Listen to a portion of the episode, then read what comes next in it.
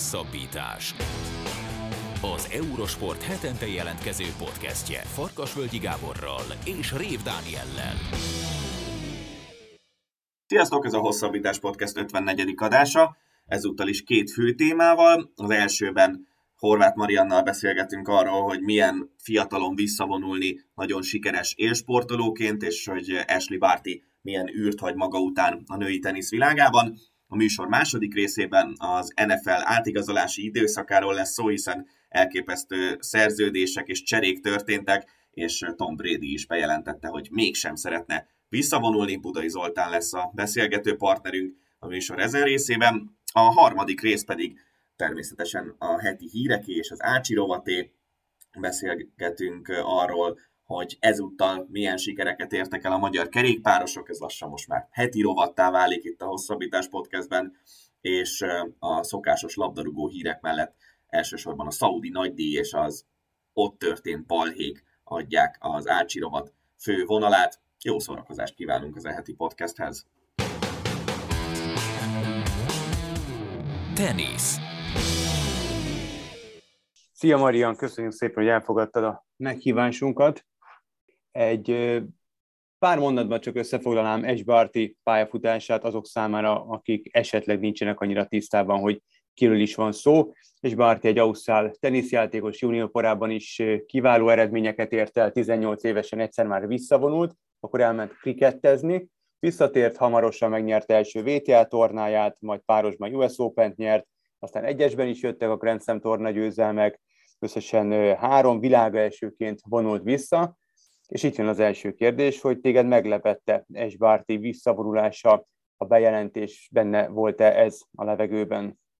Hát szerintem abszolút nem, legalábbis számomra nem. Engem nagyon meglepett, de hogyha azért megnézzük, hogy hány tornát hagyott ki, meg hogy hogy állt hozzá, hány olyan nyilatkozata volt, ahol ugye arról szólt, hogy nem feltétlen csak a tenisz létezik a számára, meg hogy mennyire fontos a család, a barátok, mennyire fontos Ausztráliában lenni, otthon lenni, akkor végül is így utólag azt mondja az ember, hogy, hogy annyira nem meglepő, de amikor jött a hír, akkor az nagyon az volt.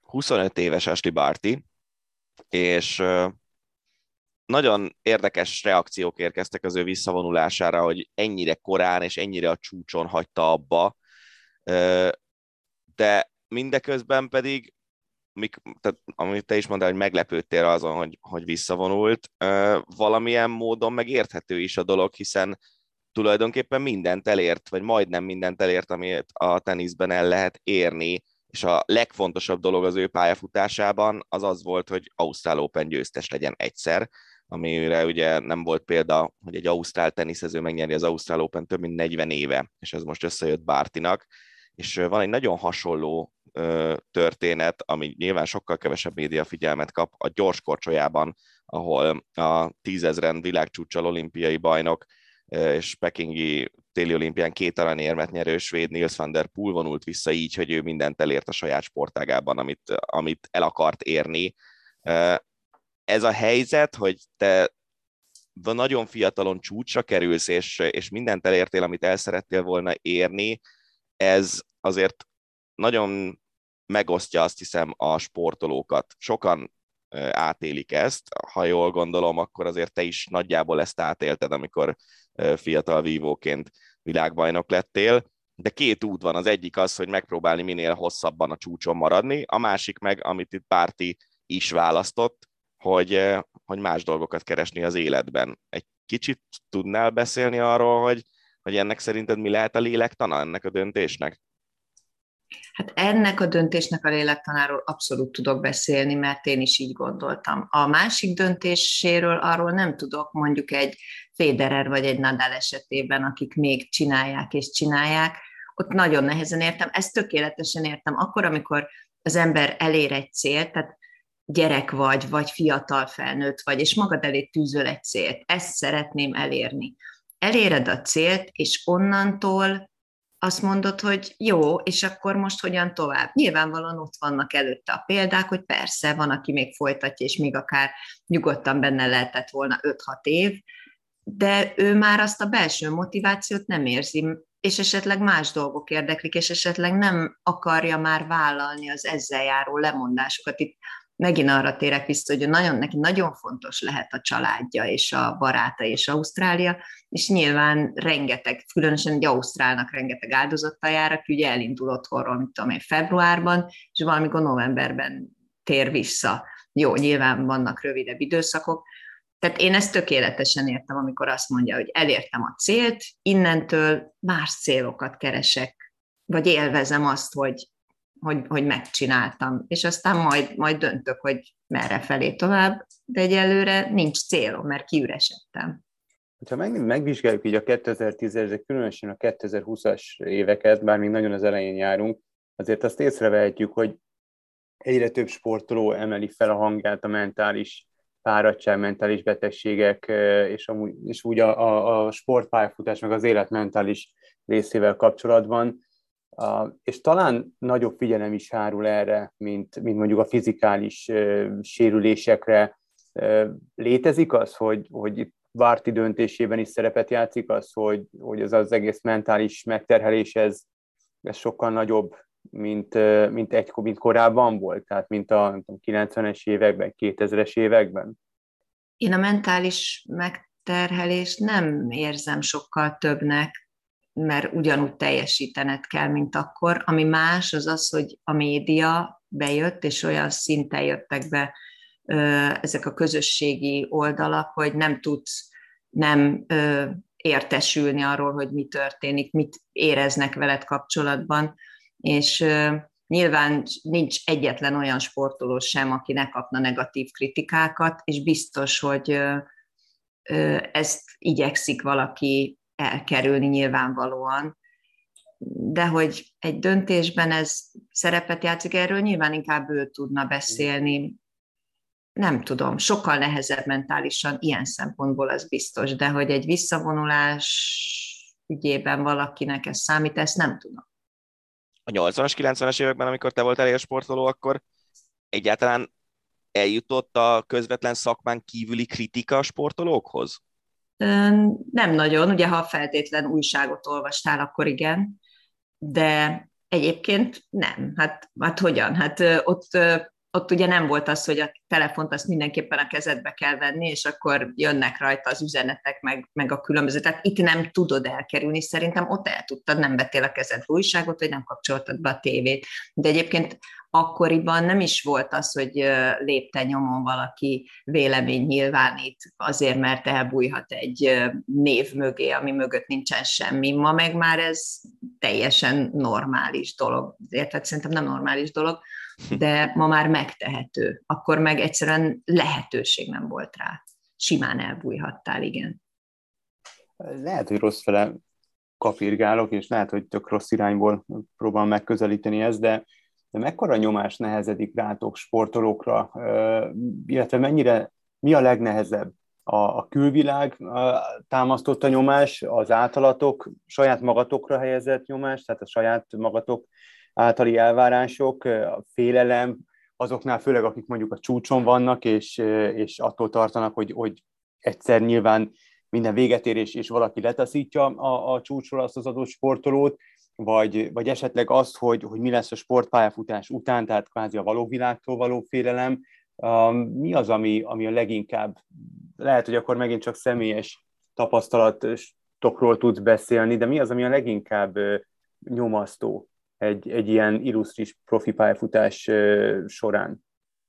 Igen, csak személyes tapasztalatokról tudok nyilván beszélni. Az egyik az, hogy van egy közeged, tizenéves korodtól, vagy sportja válogatja, van, akinek már három-négy éves korában elkezdődik, és otthon érzed magad ebben a környezetben, és tudod, hogy mit várhatsz, és ki vagy te, és akkor egyszer csak ki kell lépned innen, és egy olyan közegbe belépned, amit nem ismersz, legalábbis olyan értelemben nem ismered, hogy része vagy.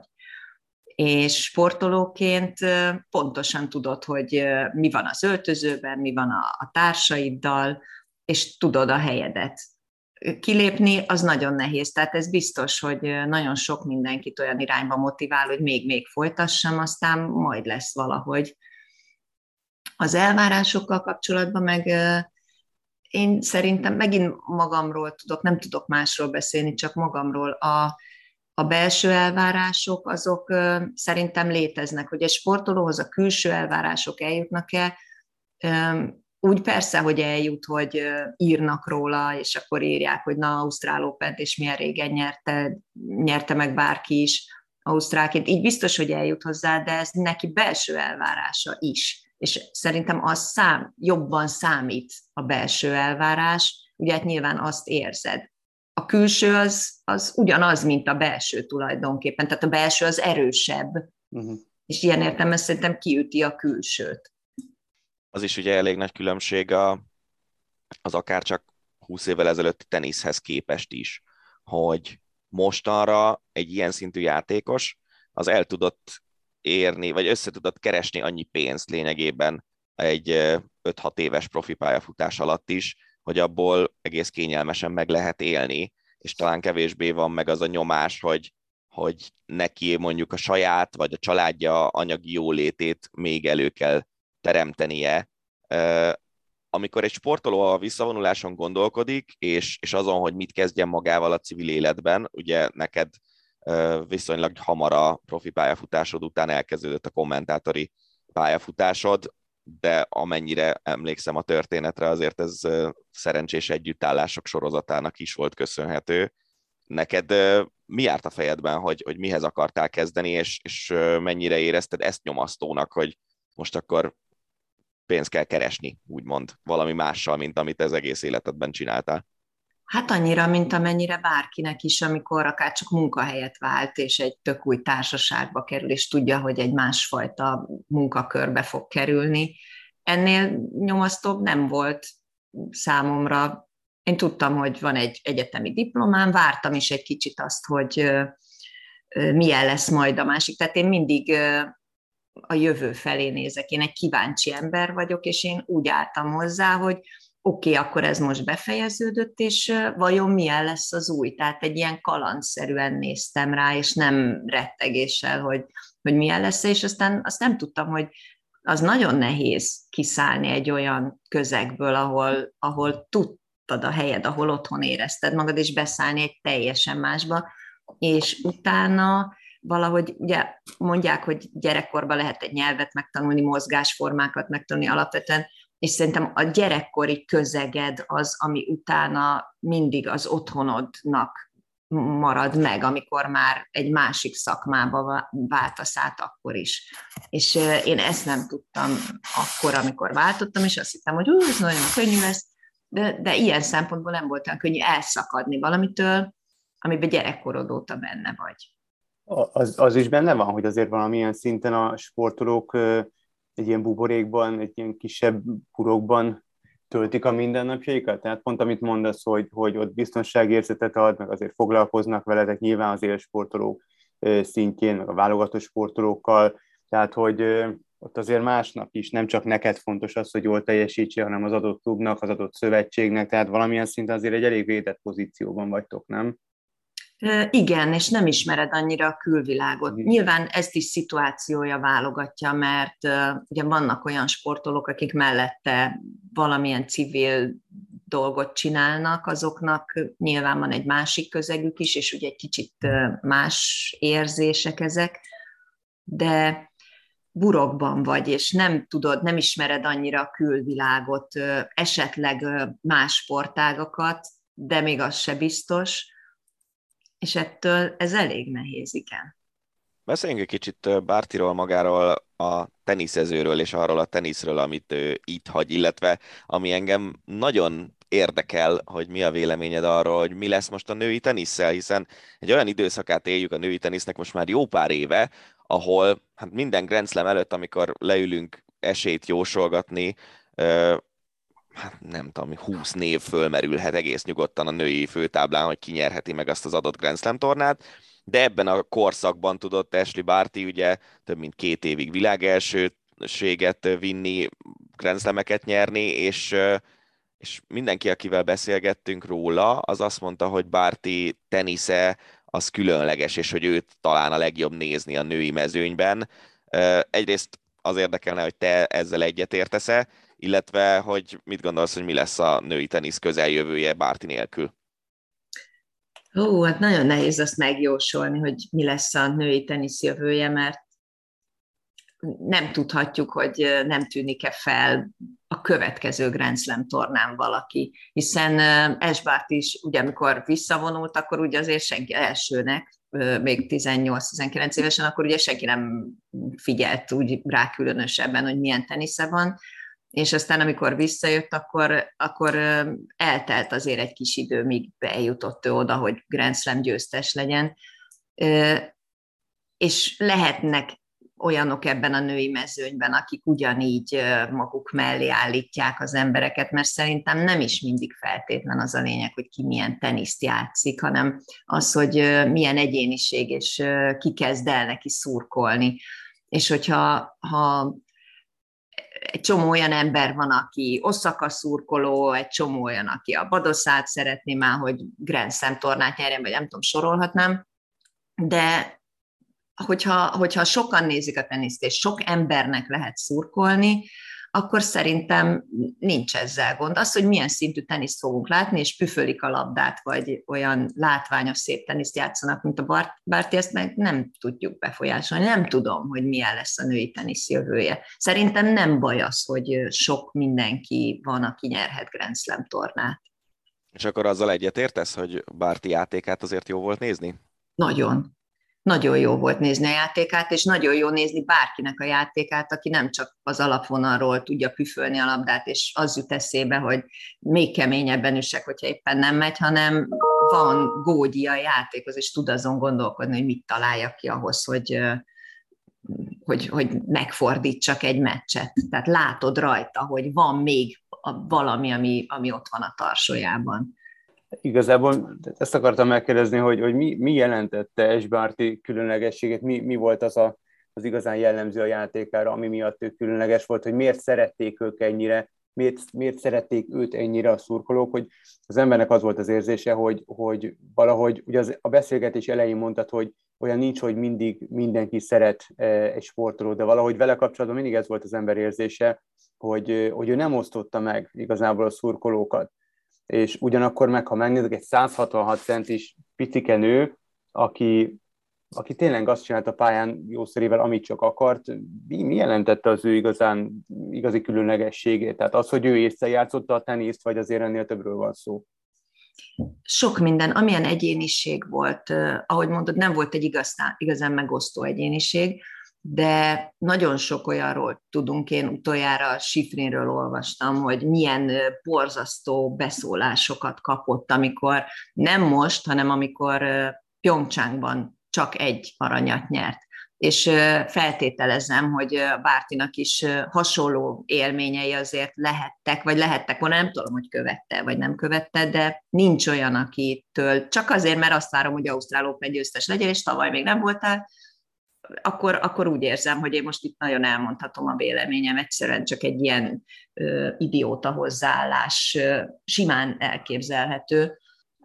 Az volt a, a különlegessége, hogy mondom, szép volt a játéka, olyan volt, hogy ha leültél, akkor nem csak szurkoltál, hogy nyerjen, hanem azért is szurkoltál, hogy na, hogy fog nyerni, mit vesz elő, amire nem is gondoltál volna, hogyan fogja tudni anélkül, hogy dühös lenne, vagy egy, átmenne egy ilyen fúriába, vagy nem tudom, hogyan fogja tudni megváltoztatni azt a meccset, hogyan fogja tudni megfordítani, vagy hogyan tudja leütni észszel a pályáról azt, aki egyébként mondjuk fizikailag leüti őt.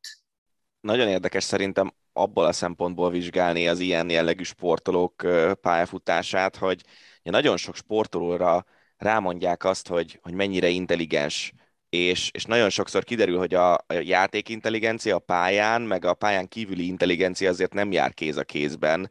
Bár ti ilyen szempontból milyen volt a pályán kívül Hát ezt nem tudom megmondani, mert az orosz klasszikusokról sosem beszélgettem vele, vagy nem nyilatkozott erről, de szerintem nem lehetett. Tehát én, én a szemét szoktam nézni egy embernek úgy általában, meg egy játékosnak, és vannak olyan játékosok, akire ránézel, és azt mondod, hogy jó, hát biztos jól játszik, de azért a, a, az arca az nem feltétlen egy 130-as ikúról árulkodik, de nála nem éreztem ezt. Én el tudom képzelni, hogy ő, ő egy abszolút művet. Valaki nyilván azon a szinten, amit egy ilyen sportoló műveltségétől el lehet várni, tehát nyilván nem egy bölcsészkar, de, de el lehet vele beszélgetni azon kívül, hogy milyen a fonák másról is. Mekkora űrt hagy ő maga után? Tehát azért olyan, itt nem beszélhetünk évtizedes sportpályafutásról, de azért mégis, ahogy mondtad, egy nagyon különleges teniszről beszélünk, egy nagyon különleges személyiségről, és ahogy mondtad, nyilván nem beszélgettél egyikőjükkel sem, de azt például lehet tudni, hogy ő mennyire volt népszerű a társai körében, vagy egyáltalán lehet beszélgetni, vagy lehet beszélni olyanról, hogy itt, barátságok szövődnek, vagy, vagy ez abszolút elképzelhetetlen így a profi tenisz világában, és csak, csak a játékával hagyhat maga után űrt, vagy, vagy akár a, a személyisége miatt is. A játékával szerintem biztos, pont a játék stílusa miatt. A személyiségével kapcsolatban, mondom, egy kedves egyéniség volt. Feltételezem, hogy nem nagyon voltak ellensége, illetve ha voltak, akkor azt gondolom, hogy olyan játékosok lehettek, akik az eredményeiről voltak inkább irigyek, és nem a, a személyiségében találtak kivetni valót. És ilyen értelemben biztos, hogy űrt hagy, de én azt teszem észre, hogy azt mondjuk most, hogy űrt hagy, és aztán egy fél év múlva jön helyette más, átveszi a helyét más, és akkor, akkor annyira azért mégsem fog hiányozni, és hogyha újra visszajönne, akkor azt mondanánk, hogy jaj, de jó, hogy visszajött, mert, mert hát, ha még nyer egy-kettőt, és akkor még nagyobb teniszezővé válhat, de én, én úgy vettem észre, hogy az ember valahogy túlép ezeken a dolgokon, és elfelejti, hiszen hát mennyi idő alatt felejtettünk el egy Szempraszt például, most mennyi idő alatt felejtettünk el egy Sarapovát, elég nagy formátumú teniszező volt, és pillanatok alatt túlléptünk rajta, hogy abba hagyta. Nem, de lehet, hogy, nem lehet, hogy abban az is benne van, hogy Sarapova azért nem volt annyira szerethető személyiség, mint mondjuk egy Bárti? Nem tudom, hogy ez benne van-e, hogy, hmm. hogy szerethető-e. Én azt gondolom, hogy inkább a pályán a, a játéka, meg a személyisége az, ami ilyenkor meghatározó, hogy mennyire hiányzik. Nem, nem az, hogy, hogy ő szerethető volt, vagy nem, hiszen szerethető ö, emberek is pillanatok alatt, tehát egy szempreszt azt sok mindenki szeretett, nem? És ö, ő is aztán elég hamar, vagy egy Agassi visszavonulása, és jön a következő, és tudomásul veszed, hogy ennek vége van, és szerintem nagyon hamar túllépünk rajta. Mondjuk a Agassi párosnál ugye az, az segített, hogy talán egy még erősebb korszaka jött a tenisznek Federerrel, Nadállal, aztán kicsit később Djokoviccal. De igen, meg az jutott eszembe, amit mondtál, hogy, hogy azok utálhatták nagyon Bártit, akikből hülyét csinált, vagy akiknek túljárt az eszén a pályán, mert azért a, a nagyon püfölős játékosokkal előfordult ilyen, hogy egyszerűen okosabb volt náluk a pályán. Maria, nagyon szépen köszönjük a beszélgetést. Szívesen. Horváth Mariannal beszélgettünk arról, hogy eh, mi vezethetett Ashley Barty visszavonulásához, és hogy milyen űrt hagy maga után a női tenisz világában. Amerikai futball. A műsor második részében NFL-lel folytatjuk, mert hogy eh, zajlik a holt szezon és az átigazolási időszak, és olyan nyugodtan mondhatjuk őrültek házának azt, ami történik, mert hogy Visszatért az a Tom Brady, aki a szezon végén nagyjából másfél hónappal korábban bejelentette a visszavonulását. Úgy tűnik, hogy mégse akarja az ideje nagy részét a gyerekeivel és a feleségével tölteni, mert folytatni szeretné a, a focizást. Olyan szerződéseket kötöttek játékosokkal, amelyek történelminek mondhatók, több millió dolláros garantált szerződés köttetett, olyan játékosnak fizet ki több mint 200 millió dollárt egy csapat, akivel szemben 22 nő vádat, vádat fogalmazott meg zaklatás kapcsán, és az az Aaron Rodgers is hosszabbított, akinek nagyon kifelé állt már a rúdja a Green Bay Packers-től, ő is egy könnyed 150 millió dollárral lehet gazdagabb, hogyha kitölti a szerződését. Úgyhogy tényleg nagyon sok minden történt, és akkor még egyéb poszton játszó egyéb játékosokról nem is beszéltünk. ezúttal is Budai Zoltánnal, a Pro Football Focus és az Arena négy elemzőjével beszéljük át a dolgokat. Szia Zoli! Sziasztok, köszönöm a hallgatókat, és köszönöm a meghívást. Kezdjük szerintem Tom Brady-vel. Beszélgettünk a Super Bowl után nem sokkal arról, hogy Brady minden bizonyal vissza fog vonulni, és aztán be is jelentette a visszavonulását. Majd tényleg másfél hónappal később jött a hír, hogy akkor mégsem szeretnék legalább még egy szezont eltölteni Tampa Bay-ben, és ennek hírére rögtön meg is indult a, a bajnok, bajnoki címmel még nem rendelkező játékosok Tampa Bay-be igazolgatása, akik Brady visszatérése kapcsán meglátták a lehetőséget egy bajnoki gyűrű megszerzésére. Aranyások. Igen, aranyásoknak is nevezhetjük őket. Mit gondolsz, hogy mi miatt döntött úgy Tom Brady, hogy ő mégis folytatni szeretné a családapaság helyett, vagy mellett? Hát ez egy nagyon jó kérdés. Igazából a legegyszerűbb válasz talán az egyetlen észszerű válasz, hogy ő még szeretett volna játszani. Tehát nem bonyolítanám ezt tovább ennél.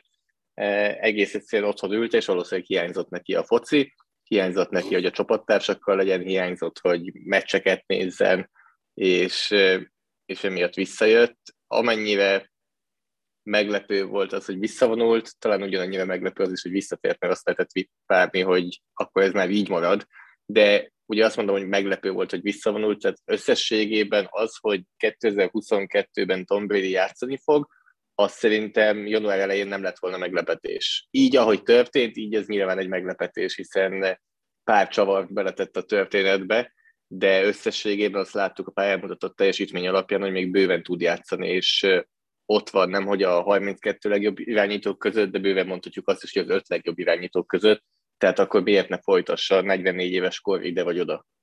De akkor minek az egész színjáték? Tehát akkor minek elmondani, hogy jó férj akarok lenni, most már Zsizel megérdemli, hogy otthon legyek és levegyek a válláról, bizonyos feladatokat szeretném most már a, az apa szerepet is kitölteni, szeretnék ott lenni a gyerekeimnek. Tehát akkor én nem értem a, a, az egészet, tehát miért döntött úgy, hogy visszavonul, ha korát nézem, ha azt nézem, hogy mennyire teljes a pályafutása, akkor oké, okay. Még ha azt is nézem, hogy esetleg csalódott volt azért, mert nem sikerült címet védeni, akkor is oké, okay. a visszavonulás minden oldalról megmagyarázható, főleg úgy, hogy ugye elmondta azt, amit most én elmondtam, apa szeretnek férj, és aztán utána meg visszajön. De miért jön vissza? Azért, mert megkínálták Rodgers azzal a brutál szerződéssel, vagy mert nem tudom, Russell Wilson eligazolt a, a Seattle-ből, és, és ez így csesztette a fantáziáját, tehát hogy nem értem magát a színjátékot, nem, nem, tehát nem színjáték, nem akarom bántani, a sztorit nem értem. Igen, szerintem azok a mondatok egyetemen igazak voltak, vagy hát ő abszolút úgy gondolta, de a mondatok végére másfél hónappal később betett egy de-vel kezdődő második részét a mondatnak, hogy de a focit még mindig annál jobban szeretném, a focit még mindig annál inkább akarom folytatni, úgyhogy hogy egy közhelyet ellőhessünk itt, itt az elején, ég még benne a tűz, hogy ilyen, ilyen szépen fogalmazzunk. Én, én, én ennyivel, ennyivel egyszerűsíteném ezt a dolgot. Tehát tényleg ő többet szeretne tölteni, több időt szeretne tölteni a gyerekekkel, ott szeretne lenni családapaként, amire tényleg az elmúlt 15 évben nem volt lehetősége, és itt egy, ez valószínűleg egy befejezetlen mondat volt másfél hónapig, és akkor utána jött a második fel, hogy de még nem most, de még a foci az fontosabb, de még ki szeretné hozni belőle, ami benne van ebben a karrierben. Mhm. Ott lehet, hogy a legidősebb gyereke leérettségizik, mire abba hagyja, de hát mindegy. Nem, nem veszít nagyon sokat vele. Na jó, akkor Bradyvel szerintem végeztünk, bár tényleg ez a szín, nem is színjátéknak nevezném, hanem én úgy éreztem, hogy kicsit ilyen, ez egy 50-50 döntés volt, és, és valahogy a, a mérleg egy picit elbillent a visszavonulás irányába, akkor bejelentette a visszavonulást, aztán visszabillent ez alatt a másfél-két hónap alatt, és meglátjuk, hogy majd milyen lesz Brady így a következő szezonban. Deshaun Watson. Egy olyan játékosról van szó, aki a Houston Texas, Texans, Texans, uh-huh. igen. Hirtelen Rockets-et akartam mondani, de ez egy másik liga. Igen, szóval a Houston Texans játékosaként ö, fantasztikus dolgokat csinált a pályán, viszont jött egy olyan pályán kívüli ügy vele kapcsán, amely szerint 22 különböző nő vádolta meg őt, ilyen nem feltétlenül nem is nem erőszakkal, hanem zaklatással, nem jellegű, szexuális jellegű zaklatásokkal, és ennek ellenére a Cleveland Browns úgy döntött, hogy szerződteti Deshaun Watson-t, és egy olyan szerződést kapott, ami, ha jól mondom, akkor 230 millió dollár, és teljesen garantált szerződés, tehát az NFL-ben abszolút szokatlan módon a szerződés utolsó centjét is meg fogja kapni Deshaun Watson. Mit gondolsz erről a döntésről csapatépítési szempontból, meg, meg mit gondolsz morális, morális szempontból? E, igen, annyiban kiegészíteném, hogy ugye nem fogja megkapni az egészet abban az esetben, hogyha el van tiltva bizonyos időszak, hiszen azt a pénzt nem kapja meg. És itt jön be még egy csavar, ahol, ha ilyet mondhatok, morálisan még mélyebbre ment a Cleveland Browns, mert az első évéve tette messze a legkisebb összeget, direkt arra készülve, hogy igen, az első évében el lesz tiltva, de adott esetben abban az évben azt hiszem 1 millió dollárt veszítene el a 229-ből. Tehát nem úgy volt mondjuk, hogy egyenlően voltak elosztva az évek között, hanem direkt az első évben tehát lett egy jelképes összeg lett téve, arra készülve, hogy igen, tudjuk, hogy téged el fognak tiltani olyan dolgok miatt, amikor inkább nem akarunk beszélni, mert inkább beszélünk arról, hogy hogy játszol a pályán, és emiatt így, így fogjuk struktúrálni a szerződésedet. Tehát morálisan ez azt gondolom, hogy tényleg elképesztő. Emellett olyan hívek is napvilágot láttak, hogy a 22 nő közül egyikkel se vette fel a kapcsolatot a Cleveland Browns, és egyiket se kérdezték meg. Tudjátok, hogy kiket kérdeztek meg? Azokat a nőket, akik az ügyvédi csapatnak a részei voltak, akik képviselték Dishon watson Ez nálam megint egy kicsit egy ilyen képzavar, hogy azt kérdezed meg, aki védi, nem pedig azt, aki támadja, de ez egy más kérdés. Nyilván igen, tehát 22 egymástól független azt hiszem egytől egyig mindegyik hölgy masszásterapeuta, tehát így kerültek kapcsolatba Dishon Watsonnal, ami pedig megint nyilván felvett kérdéseket, hogy valaki, aki ennyire odafigyel a testéve és ennyire odafigyel a szervezetéve, az öt év alatt hogy jut el 22 masszás terapeutához, és hogyan nem talál meg egyet, akihez inkább visszajár, és akivel inkább egy ilyen exkluzív kapcsolata lesz. Tehát nagyon sok helyen azért gyanús minimum a dolog, hogy hogy ez hogyan történt meg, és hogyan jutottunk el ide. A pályán nyújtott teljesítmény alapján egyértelmű, hogy Dishon Watson az egyik legizgalmasabb irányító, hiszen fiatal játékos, akiben benne van a lehetőség, hogy top 5 irányító legyen, e, illetve vannak játékosok, akik nagyon szívesen játszanának vele együtt, tehát a Cleveland Browns ilyen szempontból játékosokat tud esetleg vonzani még Clevelandbe, ugyanakkor nem egy, nem kettő olyan Cleveland drukker van, akik e, évtizedek óta a Clevelandnek drukkoltak, és e, ennek a hírnek a hallatán új csapatot kezdtek el keresni, és erre egyébként más csapatok szurkoló is fel voltak készülve. Ugye a legvégén az Atlant, illetve New Orleans volt a Cleveland-el együtt ebben a versenyben. Ugye az Atlantánál ez be is indított egy ilyen dominó hatást, hiszen Matt Ryan ezt halva el a cserét kért Atlantából és távozott onnan. Tehát a Cleveland a pályán erősödött. Egyértelmű, tehát Baker Mayfieldnél jobb irányító Dishon Watson, ezt szerintem senki nem gondolja úgy, hogy ne így lenne, még talán Baker Mayfield se. De hogy ezt milyen áron tették meg, az, az minimum kérdéses, és nem vet jó fényt sem a csapatra, és összességében az NFL-re sem, amely ugye kiáll mindenféle társadalmi kérdésekben, kérdések mellett és állást foglal, és ehhez képest azt látjuk, hogy amikor a pályán nyújtott teljesítményben ilyen szintű javulást lehet elérni, akkor elfordulnak az eset elől, és inkább nem néznek oda. És ugye csapatépítési szempontból nagyon érdekes a dolog, hogy nem csak a, ezt az őrült szerződést köti meg a Cleveland Browns az irányítóval, hanem meg kellett szerezni a játékjogát, és föladtak ezért egy csomó olyan draftválasztási jogot, amivel jó játékosokat szerezhettek volna meg a következő két-három évben. Tehát itt gyakorlatilag egy, egy 5-6 éves periódusra minimum föltették a, az egész csapatot arra, hogy Deshaun Watson fog játszani, és jól fog játszani.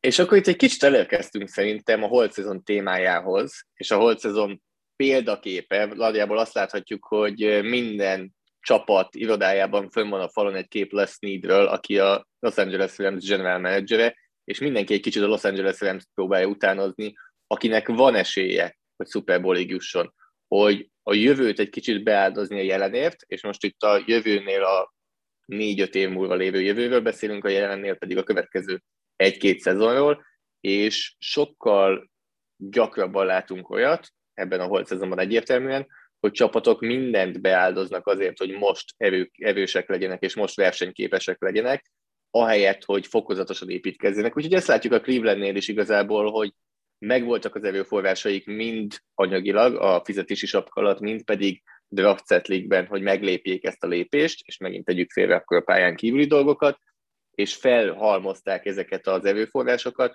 akkor miért ne használják föl, és ezt látjuk más csapatoknál is. A Clevelandnél egyébként összességében is ugye tavaly EFC döntőbe vártuk volna őket, a legjobb négy csapat közé sorolhattuk volna őket, de nem állt össze rendesen a dolog irányító fronton, nem voltak annyira erősek, ez betudható egyébként Mayfield sérüléseinek is, de tudjuk róluk, hogy, vagy legalábbis azt gondoljuk róluk, hogy ez egy olyan csapat, amelyik egy top 5-ös irányítóval tényleg a Super Bowl-ért versenyezhet. Főleg úgy, hogy ugye a cowboys elhozták Ameri Coopert, meg általában még hallani, hogy, hogy pontosan Watson érkezése miatt, ahogy te is mondtad, Zoli, érkeznének még játékosok. A kérdés csak az ugye, hogy, hogy milyen áron. Tehát, hogy ez, ez azért nyilván ezt, erre egy külön műsor is elég lenne, hogy kibeszéljük ezt az egész morális kérdést, amit, amit felvet a Brownsnak a, a Browns vezetőségének a, a, a húzása, de ennyi idő nincsen, viszont e, ezen kívül is voltak azért nagyon komoly dolgok, például, ami engem eléggé meglepett, hogy Russell Wilson eligazolt a Seattle Seahawks-tól, és Denverben folytatja a pályafutását, ez mennyire volt meglepő, illetve innentől kezdve mit lehet várni a Denvertől, hogy megkaptak egy, egy holofilm irányítót, mert gondolom abban egyetértünk, hogy azért Russell Wilson, ha majd leteszi a lantot, akkor, akkor egyenes út vezet számára a holofilmbe, bár te most rántolod a homlokodat, úgyhogy lehet, hogy nem értesz ezzel annyira egyet. A, mi lesz Seattle-lel az, azáltal, hogy elment um, Wilson, illetve mi lehet a Denverből? És miért nem gondolod, hogy holofilm irányító Russell Wilson? Szerintem nagyon határon van Wilson. Tehát mm. most még kellene valami extra, mert az elmúlt másfél év az gyengében sikerült. Mm. Én, én szerintem ő a határán van annak, hogy hívességek csalnak a vagy sem. Valószínűleg igen, és amikor majd befejezi, akkor valószínűleg igen lesz, de most még azt gondolom, hogy határeset. Arról évek óta lehetett hallani, hogy nincsen meg abszolút az összhang és az egyetértés Pete Carroll, John Schneider, illetve Russell Wilson között, tehát a general manager, vezetőedző illetve az irányító nem feltétlenül értettek egyet mindenben, sőt, és Russell Wilson nem kapott eléggé nagy eh, hatáskört ebben a, ebben a hármasban, és ezt lehet látni, ugye most a dominó hatásokról beszélek itt már több szempontból, ugye szó volt az, arról, hogy Dishon Watson milyen dominó hatást indított el, hogy a Los Angeles Rams milyen dominó hatást indított el, és akkor most itt van Tom Brady Tampa Bay-ben, hogy ő milyen dominó hatást indított el, hogy irányítók igenis beleszólást szeretnének abba, hogy hogyan építik a csapatot, hogyan teszik kövéjük a támadó rendszerbe a játékosokat, adott esetben, hogy milyen edző legyen, és erről szólt itt a dolog ugye Éve Rodgersnél is, hogy megkapja-e azt a hatalmat, amit szeretne, és Russell Wilson abszolút nem kapta ezt meg Seattle-ben, Denverben pedig valószínűleg megfogja. A Denvert is egyébként azon csapatok közé sorolnám, mint a Clevelandet, ahol van egy elég erős keret ahhoz, hogyha oda beteszel egy top 5-ös irányítót, akkor ebből kijöhet nagyon-nagyon sok minden. Az egy más kérdés, hogy a Denver az NFL legerősebb divíziójában van, tehát uh, itt, itt bármi megtörténhet ebben a divízióban, és majd, hogy nem akármelyik csapat lehet negyedik, és lehet első is akár. Uh, Russell Wilson pedig uh, egy kicsit bizonyíthat, mert ugye évek óta mindig arról is szó volt, hogy nagyon nagy szerepet kap a futójáték a seattle és miért nem kap több szerepet Russell Wilson. Itt valószínűleg több szerepet fog kapni, de bőven voltak olyanok az elmúlt években, akik azt mondták, hogy jobban, joggal nem kap több szerepet, hiszen hogyha kap, vagy kapna, akkor már nem tud annyira jól játszani. Úgyhogy számára is ez egy nagy kihívás lesz, azt gondolom. A Denvernél pedig megint a Los Angeles Remze utalnék vissza, ugyanazt látták ők is, hogy megéri kockáztatni, miért ne próbáljunk megszerezni egy irányítót, mert azt látjuk, hogy azért évek óta nem ment nekik az irányító draftolás és a szabadügynök piacról az irányító szerződtetése, hiszen Peyton Manning óta nem volt tulajdonképpen rendes első számú irányítójuk, és Russell Wilson személyében azt viszont egyértelműen kijelenthetjük, hogy most van. Volt két elég komoly trade, ami pont ezt az AFC nyugati csoportot érintette. Ugye az egyik az, hogy Davante Adams a Las Vegas Raidershez került, és ha jól mondom, akkor minden idők legnagyobb elkapó fizetését, elkapó szerződését írta alá a csapattal, miután oda cserélték, illetve egy másik nagyon jó elkapó viszont el lett cserélve ebből a csoportból, Tyreek Hill a Miami Dolphinshoz került. Azt vettem észre, hogy ebben az átigazolási időszakban nagyon sok ilyen sztorit hallani, hogy csere, és aztán kap egy monstre szerződést az a játékos, akit az új csapat szeretett volna. Ez korábban is jellemző volt, és hogyha nem, akkor most miért?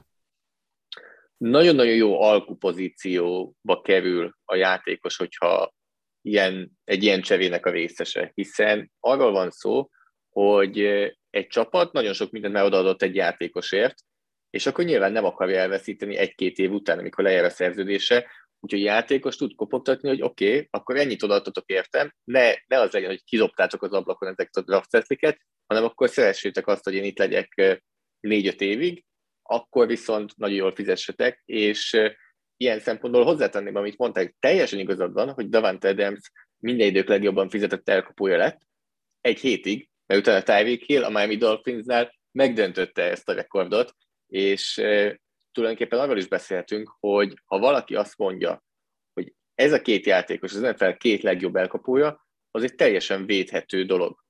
Egyértelműen szerintem ki lehet jelenteni, hogy ők ott vannak a legjobb elkapók között, és lehet, hogy még én is azt mondanám, hogy pont ők az első és a második adott esetben, de nagyon-nagyon érdekes lesz, és nagyon kíváncsi vagyok, hogy milyen szerepet fognak kapni, és hogy fognak tudni játszani, mert nagyon-nagyon nehezen tudom elképzelni, hogy tudják hozni azt a szintet, amit a korábbi csapatokban és a korábbi irányítóikkal hoztak, hiszen MVP játékosokkal játszottak, Aaron rodgers és Patrick mahomes most pedig helyett jön Derek Carr, akit én jó irányítónak tartok, és ugye ő Devante adams együtt játszott az, az egyetemen, tehát ott meg lehet a kémia kettőjük között. A másik oldalon Miami viszont a Tangovailoával, Tyreek Hill, én nagyon meglepődnék, hogyha jó játékot tudna nyújtani, úgyhogy ilyen szempontból mind a kettő csere nagyon érdekes. Kicsit összehúzza a mezőnyt abban a divízióban, hiszen egyértelmű, hogy rövid távon a Kansas City visszábesett, de a Kansas City úgymond megspórolt 30 millió dollárt évente, amit Tyreek Hill megkap Miami-ban, és azt máshova tudja elkölteni, és bíznak abban, hogy Patrick Mahomes viszont egy B-kategóriás elkapóval is tud jól játszani, és nem feltétlenül kell neki egy top 5 elkapó. Egy fél mondat erejéig belementél ebbe, de egy picit azért részletezzük már, hogy ha itt a Chiefs csapatát vetjük gyorsan gorcsó alá, akkor kinek a játékát, kinek a játékára lesz leginkább hatással az, hogy ez a szuperpáros ez felosztott, tehát inkább Tyreek Hill szerepére lesz hatása, vagy, vagy Mahomesnak is esetleg változtatnia kell a játékán, azáltal, hogy elment az első számú célpont? Szerintem egyértelmű, hogy Tyreek Hill többet veszít ezzel, mint Patrick Mahomes. Tyreek Hillnek jobban volt szüksége Patrick Mahomesra, mint Patrick Mahomesnak Tyreek Hillre. Ugyanakkor, és sőt, ez inkább csak megerősíti ezt, amit mondtam, a tavalyi szezonban azt lehetett látni, hogy Tyreek Hill-t már nem tudja feltétlenül annyira kihasználni Kansas City Chiefs és Patrick Mahomes, annak köszönhetően, ahogy a védelmek reagáltak a Kansas City Chiefsnek a mélységi passzjátékaira a korábbi években. Tehát egy, akármennyire is furcsán hangzik, Tyreek Hill egy kicsit feleslegessé vált. Nem tudták annyira kihasználni.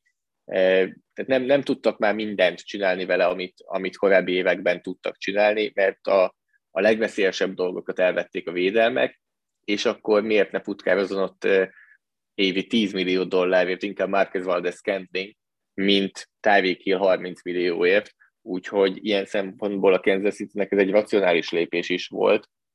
Nyilván, amikor egy ilyen irányítód van, mint Aaron Rodgers vagy Patrick Mahomes, anyagilag az bekorlátoz téged, hiszen óriási pénzeket kap mind Rodgers, mind Mahomes, úgyhogy az láthatjuk, és egy kicsit a holt a tanulsága, hogy mivel ennyire elszálltak az elkapó fizetések, nem fogják tudni csapatok innentől megcsinálni azt, hogy nálam van egy top 3 elkapó és egy top 3 irányító. Akármennyire is jól nézett ki ez az elmúlt években mindkét oldalon, egyszerűen anyagilag ez nem lesz fenntartható innentől, hogy 30 millió dollárokat kapnak már az elkapók is. És ez azért jó hír a liga e, kiegyenlítettségét illetően mindenképpen. Sokszor szóba került már Aaron Rodgers, beszéljünk az ő szerződés hosszabbításáról egy picit még itt a végén. E, ugye nagyon sokáig arra felé állt inkább a dolog, hogy Rogers távozni fog, és valahol még kvázi levezet egy pár évet, de nyilván az egy elég magas szintű levezetés lett volna. Ehelyett szerződést hosszabbítottak vele, és most nagyon úgy tűnik, hogy a következő egy-két, esetleg három évet is vele képzeli el a Packers. Ennek mi az oka? Szerintem megkapta a nagy pénzt, amit szeretett volna a Jeffs itt a, itt a végével, tehát tényleg egy óriási szerződést kapott, de egy kicsit itt a mögötte lévő dolgok is, hogy újra tudták építeni ezt a bizalmat, ami egy kicsit megtört a korábbi években. Ugye azzal a Jordan Love-ot annól az első körben elvitte a Green Bay, az biztosan a Aaron Rodgersnek egy, egy olyan dolog volt, ami rosszul esett, de szerintem most megvan a bizalom, van beleszólás a Rodgersnek a dolgokba. Ezért is volt annyira furcsa, hogy Devante Adams távozott, de azért azok a hívek vannak, hogy Rodgers tudott erről, hogy Devante Adams el fog menni, és nem érte őt ez meglepetésként, de egyértelmű, hogy a játékára hatással lesz. Tehát azért Devante Adams elvesztése Éle Rodgersnek szerintem egy nagyon komoly érvágás, és kíváncsiak vagyunk arra szerintem mindannyian, hogy hogyan fog így teljesíteni ez a Green Bay támadósor, aminek akár még valamelyes segíthet is, hogy Adams távozott, hiszen talán már túlságosan is Devante adams támaszkodott minden szituációban Éve Rodgers, és így egy kicsit kiszámíthatatlanabb lehet ez a Green Bay Packers támadósor ilyen szempontból. Úgyhogy a bizalom kiépült, eh, Rodgers szerintem az is benne van, hogy talán nem látott olyan jó opciót a piacon csapatok között, mint amilyen a Packers, és ezt szerintem jól is látta, tehát nagyon jó helyen van, egy nagyon erős keret van körülötte, még Adams távozásával is az a keret összességében nagyon erős, egy jó védelmet össze tudtak rakni, van előtte egy jó támadófal, minden adott ahhoz, hogy ebben az utolsó kettő-három évben Rodgers mindennek minden esélye meg legyen arra, hogy egy vagy adott esetben több szuperbolt is nyerjen még. Látsz még bármiféle nagy duranást a holt szezonban? Hát most mondanám, hogy nem, de ezt a Hill se várta senki, és onnantól, hogy az első hívek napvilágot láttak, hogy talán elcseréli Hill-t a Kansas City, két órával később már hivatalos volt, hogy a Miamihoz került, tehát órák leforgás alatt is nagyon sok minden megtörténhet. Elképesztően izgalmas időszak ez az NFL-ben, majd, hogy nem olyan izgalmas, mint maga az a szezon, amikor a meccsek zajlanak. Zoli, nagyon szépen köszönjük a beszélgetést, és hogy elmesélted ezeknek a sztoriknak a részleteit. Budai Zoltánnal, a Pro Football Focus és az Arena 4 elemzőjével beszélgettünk az NFL holt szezonjáról. Ácsi. A hét legérdekesebb hírei. Sziasztok, ez itt az Ácsi rovat, vágjunk is bele, hiszen összeszedtük ezen, erre a hétre is a mögöttünk hagyott hét általunk legfontosabbnak vagy legérdekesebbnek vélt híreit. Az egyik legkedvesebb, vagy talán a legkedvesebb hír az, hogy Walter Attila a második lett a katalán körverseny utolsó szakaszán. Úgy tűnik, hogy most már tényleg szinte nem telik el úgy hét, hogy ne legyen egy kiugró magyar siker a nemzetközi kerékpáros szénában. A táv 138 km volt összességében, a 26. helyen zárt Attila, és ez élete legjobb World Tour eredménye, a korábbi legjobbját egy harmadik helyet pont ezen az etapon vagy ezen a tornán, ezen a, a versenyen hozta össze? Nem, ugye úgy van a katalán körversenyen minden évben nagyjából hasonló felépítésű a verseny, és az utolsó szakasz az mindig Barcelonában szokott zajlani. Uh-huh. Aki volt már ott, ugye ott a Montjuic hegy, ahol az olimpiai stadion van, meg a Vár, meg még egy csomó minden más, ami érdekes. Nagyon jó olimpiai múzeumban, azt például ajánlom minden sportrajongónak, hogyha Barcelonában jár. Szóval az, az, azon a dombon szokott lenni ilyen körözgetés, és, és ezen a szakaszon tavaly szökésből lett harmadik, most viszont a főmezőnyből lett második, ami, ami azért szerintem nagyobb szó, mert egy, egy hazaérő szökés az, az szerencse kérdése is valamilyen szinten nyilván erő kell ahhoz, hogy te abban a csoportban elő legyél. Most viszont a főmezőnyben tudta tartani a legjobbakkal a, a tempót, és, és így lett második, csak az olasz Bajoli előzte meg a sprintben, akinek a sprintje azért elég jó ahhoz képest, hogy milyen mm, hegyi menő. És emellett Fetter Eriknek volt vasárnap egy 11. helye egy olasz egynaposon, ami szintén egy elég jó pontszámot hozott, úgyhogy Beák Barna is jól szerepelt ezen a héten, szóval tényleg nagyon, nagyon jó, hogy most minden héten vannak jó magyar eredmények. De reméljük nem lövik el a puskaporukat a Giroig. Hát igen, igen, de én azt hiszem, ugye Attinál, Attinál az nem kérdés, hogy ő, ha egészséges, akkor ott lesz a Giro rajtnál. Azért Barnának, meg Eriknek, meg Dina Marcinak kell küzdenie azért, hogy csapatjuk, csapatuk nyolcas keretébe bekerüljenek, uh-huh. úgyhogy nem jó úton haladnak. Térjünk át a labdarúgás világában. Új programot indított az MLS, amely a magyar labdarúgás megreformálását tűzte ki célul. Szakmai bizottság tagja Lőv Zsolt, a Chelsea másodedzője beszélt erről a magyar szerb meccs előtt. Idézet következik, ez egy olyan egy olyan komoly programot sikerült leraknunk az asztalra, ami az egész magyar labdarúgást, a képzési rendszerét és összeépülését is megreformálja. Új képzéseket vezetünk be, próbálunk eljutni az óvodákba, iskolákba, próbálunk a kluboknak egy olyan plusz felelősséget adni, hogy foglalkozzanak a környezetükben lévő csapatokkal, kisebb klubokkal, és együttműködjenek velük, legyenek területi egységek kialakítva. Hát korábban volt szintén egy program, emlékezzünk vissza, amikor ugye amelyben Lőv Zsolt is részt vett, Dárdai Pál nevével azonosították leginkább, és hát azt ugye állítólag lesöpörték az asztalról annó, az ott lehetett arról hallani, hogy Dárdaiek azt nagyon rossz néven vették. Hát remélhetőleg ez a program ez több sikerrel jár, és én megmondom őszintén, remélem, hogy azért több mindent hallhatunk majd erről a programról, mert igazából azért olyan nagyon, én legalábbis nem találtam olyan nagyon mély információkat erről. Minden esetre az biztos, hogy fontos, hogy ugye arról nagyon sokszor beszéltünk, hogy jó lenne, hogyha nem honosításokkal erősödne a magyar válogatott, jó lenne, hogyha az utánpótlást is egy picit megreformálnák olyan szinten, hogy mondjuk a fiatal játékosok azok ne feltétlenül külföldről hazatérve legyenek igazán erősek és jók, hanem, hanem lehetőleg itthon kapjanak egy olyan képzést, amely segíti őket abban, hogy majd később külföldre igazoljanak, viszont meghatározó tagjai is lehessenek a válogatottnak, illetve amit én nagyon sokszor hiányolok, anélkül, hogy ilyen marha hozzáértő fickónak képzelni magam, a hazai edzőképzést. Hogy nincsen idehaza egy olyan komoly szakemberünk, most Lőv Zsoltot, vagy akár Dárdai Párt leszámítva, a, aki meghatározó lenne Európában, tehát, vagy akár Magyarországon.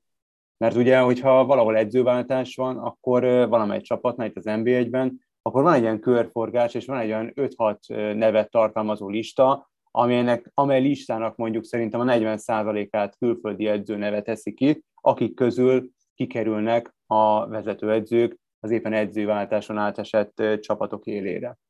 Hát persze, mert kellemesen langyos ez a víz, és, és a külföldi. Én azt mondom, hogy szerintem a, ugyanúgy, ahogy mondjuk a magyar foci a nemzetközi klubéletnek mondjuk a harmadik vonalában van a magyar bajnokság, ugyanúgy az edzők is nagyjából a harmadik vonalban vannak, tehát a top 5 mögött ott van ez a belga, portugál, holland, nem tudom, török liga, ilyesmik, és akkor utána, utána jöhetünk mi valahol. Szerintem fociban erő, tehát játékosban, játékos keret, hogy mondjam, a játékosok erősebb szintet képviselnek, mint az edző, szerintem most, mint a magyar edző. Lehet. Mert hogyha megnézed, Nem is akkor... erre gondolok, hogy a magyar edzőkre, hanem azok a külföldiek, akik itt dolgoznak nálunk, aha. azok leginkább a, a nemzetközi harmadvonal ja, értem, képviselői, így, így erre gondoltam. Uh-huh. Hát az, az meg, hogy tényleg ilyen igazán kiemelkedő magyar edző, nem is tudom mikor. Tehát az, az például, hogy Fradinál nem jön szóba, amikor edzőváltás van egy magyar edző, Fehérváron volt magyar edző, de annak nem lett jó vége. Tehát... Nem, mint hogyha most a külföldinek jó vége. Jó, igen, ez egy másik kérdés nyilván. De, de az NBA egy fele az nagyjából uh-huh. mindig külföldi edzőkből áll. Tehát én ezt, ezt, ezt nagyon komoly hiánynak érzem, és igazából ugye, ha belegondolsz, ki az, aki, oké, okay, Dárdai, de Dárdai sem valami szuper innovatív új taktikával, vagy, vagy ilyesmivel lett ismert edző, meg lett viszonylag eredményes edző, hanem azzal, hogy egy ilyen betonbiztos bunkervédekezésre alapozta a csapatainak a fociát, amit, mit tudom én, Mourinho is megcsinált magasabb szinten ö, jó pár csapattal. Igen, és... de mindig olyan csapatot kapott, tehát érted, neki mindig Na, erre lennék kíváncsi, hogy mi, mi, mi, van, hogyha egy játékügyes Igen, csapat van a kezében. Hát én is kíváncsi lennék. Azt is meg kéne nézni, mert ugye van ilyen, hogy, hogy NFL-ben van csomószor, hogy nagyon jó védőkoordinátor valaki, vagy támadókoordinátor, és uh-huh. aztán egész egyszerűen kiderül, hogy vezetőedzőnek viszont nem elég jó, és nem tudom, hogy Dárdai lenne elég jó mondjuk egy, nem tudom, egy, egy ilyen Lipcse, vagy Dortmund, vagy egy ilyesmi jellegű csapatnál, ahol játszani is kell, nem csak pontokat szerezni, meg, meg egy nullás győzelmeket. Szóval igen, ez egy nagyon érdekes kérdés, de az is nagyon érdekes, hogy Lőv Zsolt, aki ugye másodedző Tuchel mellett, és nem teljesen egyértelmű az, hogy ott mik a munkamegosztási ö, arányok, meg mennyiben szól bele mondjuk Lőv Zsolt abba, hogy mit, mit játszon a csapatával, vagy játszasson a csapatával Tuchel, hogy Lőv Zsoltot is már ilyen edző pápaként kezelik itt Magyarországon, miközben ő top szinten másodedző. Hát igen, nem edzőként, vezetőedzőként nem bizonyított még. Én nagyon kíváncsi lennék rá, mert amit olvasni lehet vele kapcsolatban, a felkészültségéről, arról, hogy a játékosok mennyire szeretik, mennyire ismerik el, a, abból kiindulva azért én azt gondolom, hogy ő egy magas, nagyon magas szintet képvisel, de nyilván nem láttuk még őt igazából vezetőedzői pozícióban, nyilván nem láttuk még abban a szerepben, hogy ő felel egyedülként a taktikáért. Nem tudom, nekem hogy mondjam, a jelenlegi pozíciója, illetve az, hogy egy olyan csapatnál másodedző, ami, ami egy ilyen, tehát mindig a Bayernre mondták, hogy FC Hollywood, hát szerintem ez tökéletesen illik most a PSG-re, majd rá is térünk később itt az Ácsiban is. Tehát, hogy egy ilyen csapatnál, egy ilyen klubban, ilyen magas pozícióban, és egy ilyen komoly Chelsea, pozícióban. Nem? Ja, a PSG-nél volt, bocsánat, igen, igen, igen. mert hogy a PSG-nél volt, és mert hogy ott a Neymar is mennyire ö, ö, elismerte meg, ott az ugyanúgy, ez, szerintem ott nem változnak a dolgok, ugyanan a, a Chelsea-re is rá lehet mondani, Hollywood, hogy FC, FC Hollywood, Hollywood volt. összevásárolt a csapat. Jó, oké, de hogy nincsenek ilyen, ilyen primadonnák, mint a Neymar például, vagy, vagy Bappé, hogy minden harmadik héten éppen a igazolásával van elfoglalva, most már Messi is ott van, tehát, de szóval, hogy, hogy ilyen csapatoknál azért ő, ő szót tudott érteni a sztárokkal, sőt elismerték ezek a sztárok, kifejezetten jó viszonyt alakított ki ezekkel a sztárokkal. Szóval nekem ezek azt mondatják, hogy ő, ő egy jó karakter, egy, egy, egy, egy elismert szakember, hogyha ezek a játékosok, ezek szót, ezekkel a játékosokkal szót tud érteni. Nagyon megnézném őt vezetőedzői Én pozícióban. Is. Nagyon Én kíváncsi is. lennék rá.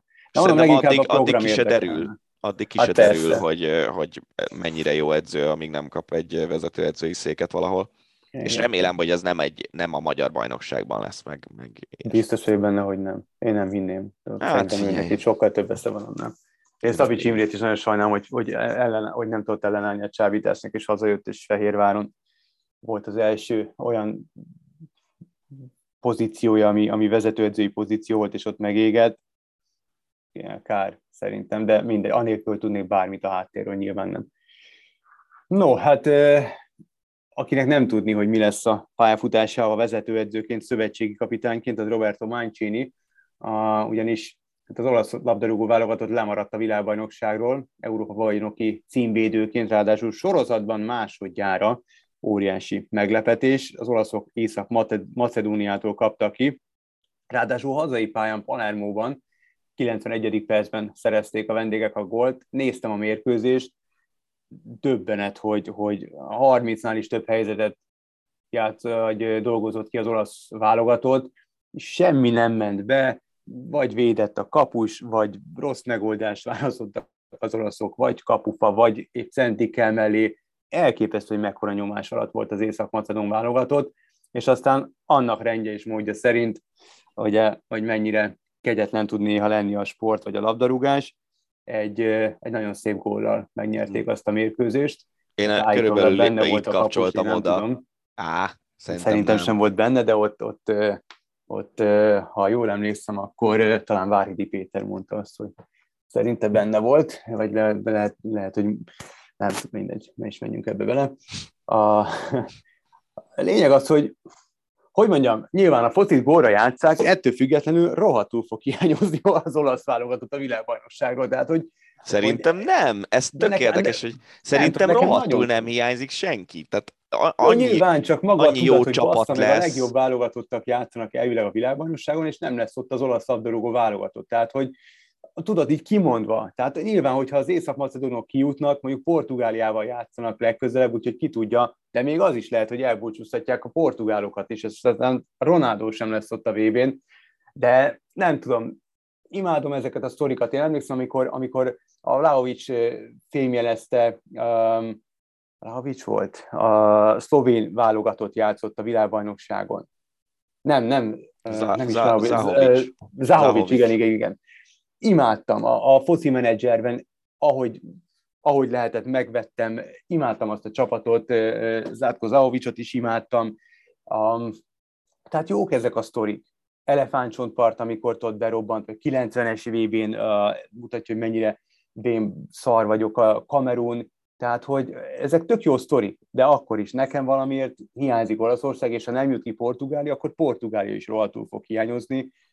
Nem tudom. Mert... Szerintem én, én tényleg én azt gondolom egy ilyen VB-ről, ez EB-ről hiányoznának az erős csapatok, de a VB-ről szerintem lesz annyi jó csapat, hogy nem fog hiányozni. Lesz, annyi, annyi lesz, aztán... de figyelj, annyi lesz, hogy hogy a macedón csapat meccsét nem fogod megnézni, míg mondjuk lehet, hogy az olaszt megnéznéd, és aztán úgy állnál fel utána, hogy fú, ezt minek néztem meg. Hát lehet, hát mondjuk, hogyha Észak-Macedónia kijut, és így játszik, akkor Hát, Meg amúgy is tényleg ugye ebből az, erről az ágról egy nagy csapat lemaradt volna a tornáról így vagy az úgy. Tény, Most, hogyha tény, a portugálok tény. kijutnak, és akkor azt mondod, hogy oké, okay, az olaszok lemaradtak, de a portugálok kijutottak, inkább a sorsolás volt érdekes. Én, én pont a, a, láttam, hogy 0-0 és 5 perc van hátra, és akkor kapcsoltam oda a magyar meccs után, és nagyon rögtem. Én, én nem, nem tudom, valahogy szeretem azt, amikor a kicsik megtréfálják a nagyokat és a macedónok. A macedónok egyébként az ebén se játszottak rosszul, ja, ja. hanem kifejezetten, amennyit láttam belőlük, szórakoztató dolgokat csináltak, úgyhogy azért nem ilyen ördögtől való volt ez a továbbjutás. Ja, Nyilván persze, persze. kevés olyan sport van, ahol ha egy csapat olyan szinten domináns, hogy nem tudom, 30 kötőjel 5 a kapura lövési arány abból lehet 0-1. Mm. Jégkorongban van ilyen néha, meg, meg, meg fociban, de ezért is szeretik ezeket a sportágakat.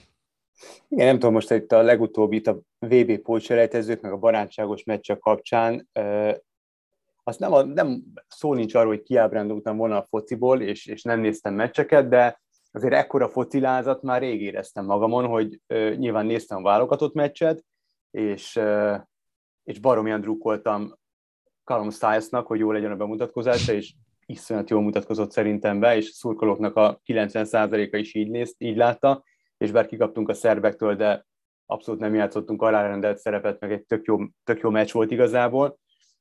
Be volt pöttyintve mellé streamre az olasz meccs, aztán amikor elkezdődött a portugálok meccsek, a svéd meccs is, Úgyhogy úgy nézett ki előttem itt a, a, a tévé, meg a számítógép, meg elkértem a csajom számítógépét, és ott volt négy meccs így, így előttem, nagyon rég éreztem ilyen, ilyen elképesztő focilázat magamban. Jó volt, jó volt nézni ezeket a meccseket, úgyhogy kifejezetten várom a világbajnokságot, attól függetlenül, hogy ott rendezik, ahogy rendezik, és akkor rendezik, amikor rendezik, de, de nagyon-nagyon nagyon város. Um, Menjünk tovább, megszakítja a kapcsolatát a Royal antwerp az egyik szponzora, mert a klub alig egy hónappal azután alkalmazta Mark Overmars-t, hogy a szakembernek, kolléganőinek küldött nem helyén való üzenetek miatt távozni kellett az Ajax-tól. A, ez a Select Group egy HR ügynökség, és bejelentették, hogy nagyon meglepte őket, amikor megtudták, hogy a belga klub um, alkalmazza Overmars, nem értesült a főszponzor a klub lépéséről, és hát nyilván ez ellentétes a cég által képviselt értékekkel. Hát azért, hogyha így, így próbálok elhelyezni ezt egy HR cég, és Mark Overmars ennyi szexista és paraszt üzenetei, tehát, és erről nem szólnak a főszponzornak, döbbenetem, ekkora ostobaság. Egyáltalán minek hogy... viszik oda? Főleg hát, ennyire gyorsan, mert még hogyha hát nyáron igen. szép csendben oda vitték volna, hát figyelj, igen, tehát ez, ez körülbelül olyan, mint hogyha nem tudom, egy egy káposzta cég szponzorál egy csapatot, ami leigazol egy kecskét. Tökéletes példa. Tökéletes példa. Úgyhogy, ja, hát Overmars marad, azt mondja, hogy soha többet nem fog előfordulni, nyilván. Hát aztán meglátjuk. Igen. Egy másik nagyon, nagyon jó hír, egy feel good story, hogy visszatért a válogatottba Christian Eriksen, ráadásul egy óriási góllal, és jól lehet a Dán válogatott kikapott Hollandiától, de azért ez egy nagyon, nagyon szép visszatérés volt. Az már kevésbé, hogy megdobták kétszer is pénzérmével a Eriksent, a holland szurkolók közül azok, akik megfeledkeztek önmagukról, meg arról, hogy éppen hol járnak. De meg kit dobálnak. Meg kit dobálnak, így van. Senkit ne dobáljanak, de nyilván Eriksen különösen nem, de óriási gól volt, nagyon szép gól volt, és nagyon jó volt látni, hogy ahogy Eriksen fogadták a játékostársak, ugye erről kikerültek különböző videók a közösségi média egyes platformjaira, illetve, illetve az, hogy, hogy amikor beállt csereként, akkor az egész stadion állva tapsolta, ugye még Louis van Gaal a holland válogatott szövetségi kapitánya is relatíve meghatódott arccal, meghatódott arccal tapsolt, aztán aztán a gól is tök jó volt látni, hogy... Jó, gyorsan is jött a gól a beállás ja, után. Nagy gólt. Így. Egyébként azt a katalán körverseny kapcsán mindenképp el akartam mondani, csak nem jutott eszembe, amikor a, a ti sikereit taglaltuk, hogy volt egy hasonló sztori. Az első szakasz után Sonny Colbrellit kellett a hírek szerint defibrillátorral újraéleszteni, és így egyszer csak befutó összeesett, és, és ilyen szívritmus zavar okozta a dolgot. Nem teljesen egyértelmű, hogy leállt-e a szíve, vagy csak annyira erős szívritmus zavara volt, hogy, hogy defibrillálták, nem tudom egyáltalán van-e ilyen, mindegy, meg az se teljesen egyértelmű, hogy használták-e a defibrillátort, vagy pedig nem. Lehet, hogy egyszer igen, de másodjára már nem kellett, nem, nem tényleg a helyszínről nagyon össze-vissza hírek jöttek és állítólag nála is ez, erről van szó, hogy egy, egy ilyen készüléket ültetnének be a szervezetébe a szívéhez, mint amit Eriksennek egy ilyen szívritmus zavar szabályzó valami pici kis képet. Olyan rossz ilyeneket hallani. Hát igen. Ilyen, ilyenekbe belegondolni meg abba, hogy, hogy ezt követően valaki még visszatér, én Erikszent is valahányszor meglátom, hogy vele kapcsolatban olvasok, akkor tudod, ezt már egy csomószor kibeszéltük, mindig elfog a rossz érzés. Attól függetlenül, hogy baromi jó érzés volt látni, hogy, hogy pályára lépett és gólt lőtt, de valahogy mindig ott van bennem a kis ördög, de nyilván mindenkiben. No, hát menjünk tovább, még mindig labdarúgás. Többször voltam depressziós a pályafutásom során, de erről nem szívesen beszélek.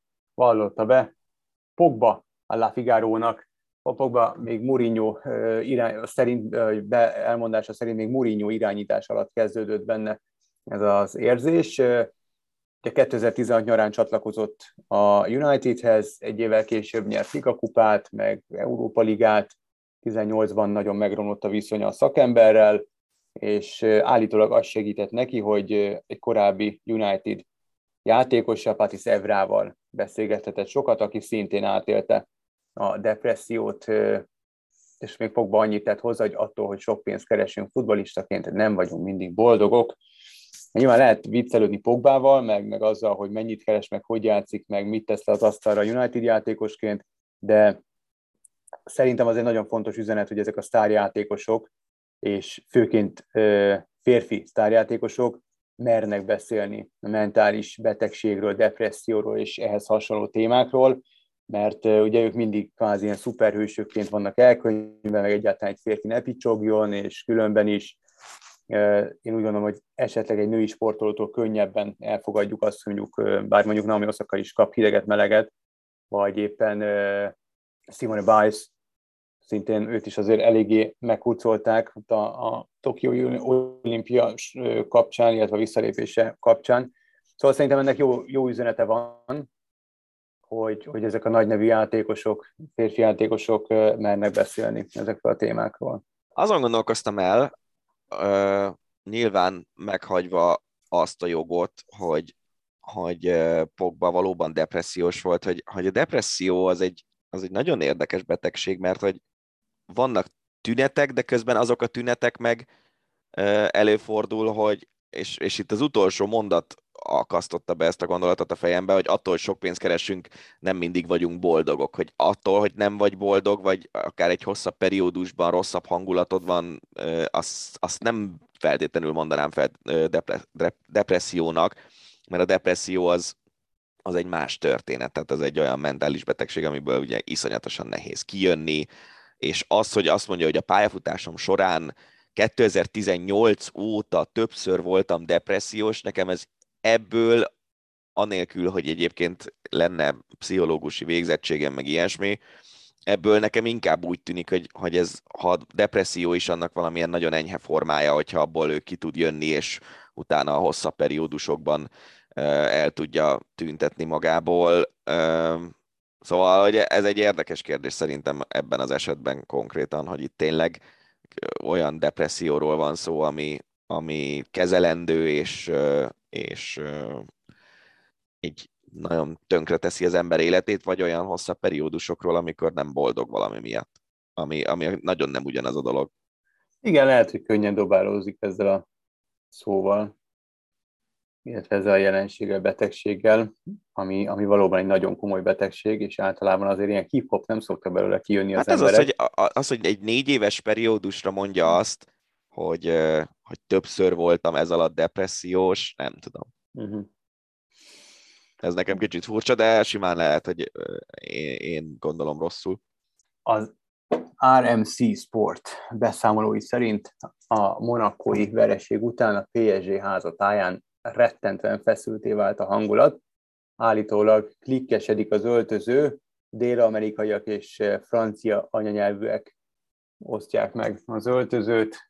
Um, arról lehet olvasni külföldi Instagram, illetve Twitter oldalakon, de ezt már a magyar um, sport sajtó is megszellőztette, hogy ne, ne már például itt a jár edzésre, nyomást gyakorolnak messzivel a vezetőkre, hogy adják el mindkettőjüket a Barcelonának, ahol együtt szeretnének visszatérni.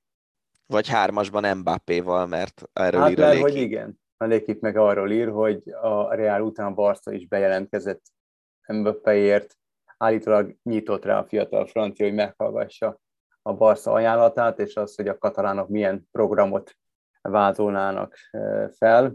Én sírva fakadnék, hogyha a Barca megint erre az útra lépne. Mindjárt visszatérünk a PSG-n belüli üzékre, viszályokra, de tényleg hát most elkezdtek építeni egy csapatot, ami tök jó lehet egy-két éven belül, sokkal kevesebb pénzből kijöhet a dolog, mint hogyha ezeket a játékosokat idehozna, vagy oda vinnék Barcelonába, és ráadásul, ahogy erről beszéltünk, valószínűleg ez az építkezős év, ez egy év lesz, és ugyanúgy jövőre már akár BL megbajnoki esélyesként játszhat a Barcelona a jelenlegi keretével. Én nem, nem érezném jónak. Messi még talán, mert ő tényleg akkor a klublegenda Barcelonában, hogy, hogy az ő visszatérése az, az lehet, hogy még nem, nem tenne rosszat ennek a csapatnak, bár azért 35-6 éves, de, de Neymart meg Mbappét én biztos, hogy nem vinném Barcelonába, ha én ott menedzser lennék, ez az egyik része a dolognak. Az meg, hogy klikkesednek a csapatok, meg, meg nem tudom elképzelni, hogy Neymar részegen járjon edzésre. Tényleg. Én, én sok mindent kinézek belőle, ő szeret, él, szeret élni, szereti a bulikat, szeret szerepelni, szeret tényleg még az simán, hogy, hogy fogja magát és hazamegy a Riói karnevára két hétre úgy, hogy előtte nem szólt senkinek arról, hogy hazautazik, ezt tökéletesen el tudom róla képzelni, de azt, hogy edzésre piásan menjen le, én azt nem. Én sem, ezt a részét én sem tudom elképzelni, és visszatérek a Barcelonára, én ha három közül, ha bárkit vihetnék, akkor biztos, hogy Bappét vinném, Messit már nem, pont azért, amit mondta. Lehet, hogy klublegenda, de 35-36 évesen szerintem már nem, tehát nyilván nem, nem, nem a jövő. A Neymar pedig soha nem vinném. Tehát ő, ő egy, szerintem egy métej. Ő Buliba. csak bomlasz. Ő csak buli, együtt bulizni, buliznék vele, az biztos, hogy nagyon komoly lehet, de, de hogy a csapatomban nem vinném, azt tuti. Tehát, hogy, hogy mindig van vele valami primadonna, mindig valami nem tetszik, mindig megosztó, és szerintem amennyit, tehát a párhuzamba helyezed azt, hogy mennyi gond van vele, mennyi vesződtséget okoz, és, és mennyire rászegeződik a, a, a figyelem, és mennyire megosztó lehet, illetve, hogy mennyit tesz az asztalra a pályán, szerintem nincs párhuzamban a kettő egymással, és akkor meg minek? Biztos, hogy nem vinném Barcelonába. Mi lett a vége annak? És oké, okay, nyert egy BL, tök jó, de, de mindig volt valami, valami balhé vele akkor meg az nem tetszett, hogy nem ő a király, hogy nem csak ő ez egyedüli sztár, akkor nem, akkor nem tetszett neki, hogy Messi nagyobb király, mint ő, és akkor inkább elmenni, el, el akart menni Párizsba, hogy majd akkor köré építik a csapatot, és ő lesz ott a, az első számú játékos. Hát aztán mi történt hirtelen? Nem ő lett az első számú játékos, mert ott volt még Mbappé is, meg akkor most megint jött Messi, meg egyáltalán, tehát hogy hm, nekem az ő karaktere valahogy nagyon messze áll tőlem, és biztos, hogy őt soha nem vinném. Szerintem a párizsiak meg reménykednek, hogy valaki végre elviszi onnan a fenébe. Hát vagy azt, hogy elviszik Messit meg Mbappét, és akkor tényleg Neymar köré lehet csapatot építeni, és megnézni, hát, hogy milyen ez a vezérszerep, de tényleg azt hiszem igazad van. A Roman Abramovics körül ugye teljesen megfagyott és elfagyott a levegő Londonban, úgyhogy arra gondolt, hogy inkább akkor Törökországba teszi a székhelyét, a török fanatik értesülésére hivatkozva a Márka és az ÁSZ is megerősítette ezt, vagy legalábbis beszámolt róla. Roman Abramovics Törökországban szeretne klubot venni, mégpedig a Götzefe Izmir, ahol korábban játszott magyar játékos. Ezt majd a török körversenyen elővesszük, mert ott ilyen sztorikat szeretünk mesélgetni. Göztepe... Habár Peti játszott ott, ha jól emlékszem, a Götzepe Izmir csapatánál. Jó neki. Szóval a Chelsea meg a Göztepe az nem ugyanaz a liga, és, és egyébként ugye most úgy tűnik, hogy azért Törökországban se látják feltétlenül olyan nagyon szívesen ezeket az orosz oligarchákat. Láttad a, azt a 444-en, sőt biztos, hogy a 444-en, mert Szili Laci írta. Bocsánat, egy... Megyeri Balázs ott játszik még. Jó. Hoppá. Na igen. Szóval volt egy cikk, ami arról szólt, hogy az orosz politika élmenői azok milyen módon élnek, és főleg az orosz külügyminiszterről volt szó, akinek van egy második családja lényegében. Igen, igen, igen, igen, uh, az nagyon kemény sztori. És hogy milyen jakton, nem tudom micsoda, ja, ja. és a, ugye a gyerekek Instagram meg TikTok bejegyzéseiből ja. ollózták össze a történetet, hogy hát igen, ez Van a hajó, ez, ez a sztori, mint hogyha láttam volna már közel hasonlót ehhez. Nem tudom, lehet, hogy, lehet, hogy csak én fantáziálok, de mint hogyha úgy, nem? Ez az egész... Miniszter és jacht. Há, ja, vagy nem tudom, mire gondolsz. Ilyen, ilyen, nem tudom, hogy, hogy ezt mutatjuk, de közben teljesen máshogy élünk. nem tudom, lehet, hogy, izé, hogy, hogy én emlékszem rossz, hogy én filmben láttam esetleg, á, jó, ég tudja. Bocsánat, közben megnéztem, Megyeri Balázs eligazott meg Götcepétből. Jó. Na szóval igen, ott is a török riviera az főszerepben volt ebben a sztoriban, hogy a külügyminiszter meg a lánya hogyan tengeti az életét, meg nem is tudom még ki volt egyébként a, a sztoriban egy másik, másik politikus gyermek, és, és én azt hiszem, hogy most azért Törökország annyira nem barátságos Oroszországgal a jelenlegi helyzetben, mint, mint korábban, már korábban se voltak ők azért a legnagyobb barátok, de ugye épp török trónokról lövik az orosz hadsereget az ukránok, úgyhogy, úgyhogy nem biztos, hogy ez a Göztepe sztori ez olyan nagyon működni fog Ábramovicsnak. Na, hagyjuk a labdarúgást, és a téli sportok felé kacsintunk, legalábbis egy rövid hír erejéig. Sára Tekála háromszoros olimpiai bajnok sífutó kedden bejelentette, hogy az idény végén visszavonul.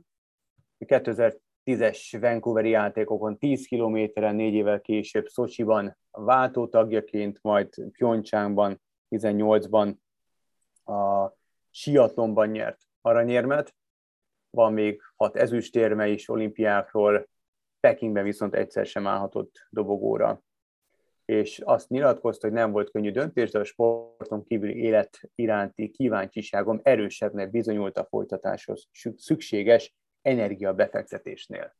34 évesen döntött a visszavonulás mellett. Egy teljes karrier végén, úgyhogy ez azért Abszolút. sokkal érthetőbb dolog, mint Es Bárti visszavonulása. Most a hétvégén közvetítettem a planicai sírepülő versenyeket, és három sí ugró is elbúcsúzott a mezőnytől, plusz volt egy negyedik, az sokkal érdekesebb sztori amúgy, egy cseh srác, aki azt hiszem 20, 24-5 éves, és arra hivatkozva vonult vissza, hogy nem akar már a jövőben olyan diétán élni, mint eddig, mert hogyha meghízol síugróként, akkor egyrészt a teljesítményed nyilván jóval gyengébb lesz, másrészt a lécek, a szabályrendszer miatt a léceit hossza is rövidebb kell, hogy legyen, és, és ennek köszönhető az, hogy ugye ilyen iszonyú egyszálbér srácok ja, ja, ugrálnak. Szóval, szóval, Kállánál szerintem ez egy érthető döntés, olimpiai ciklus végén azért nagyon sokan vissza szoktak vonulni, és is közéjük tartozik, és tényleg a, a svédek nagyon nagy sífutó legendája ő. A végére maradt egy Forma 1 sír, ugye a hétvégén rendezték Szaúd-Arábiában az idény második futamát, amely túl azon, hogy marha izgalmas volt, azért volt két nagyon komoly sztori is.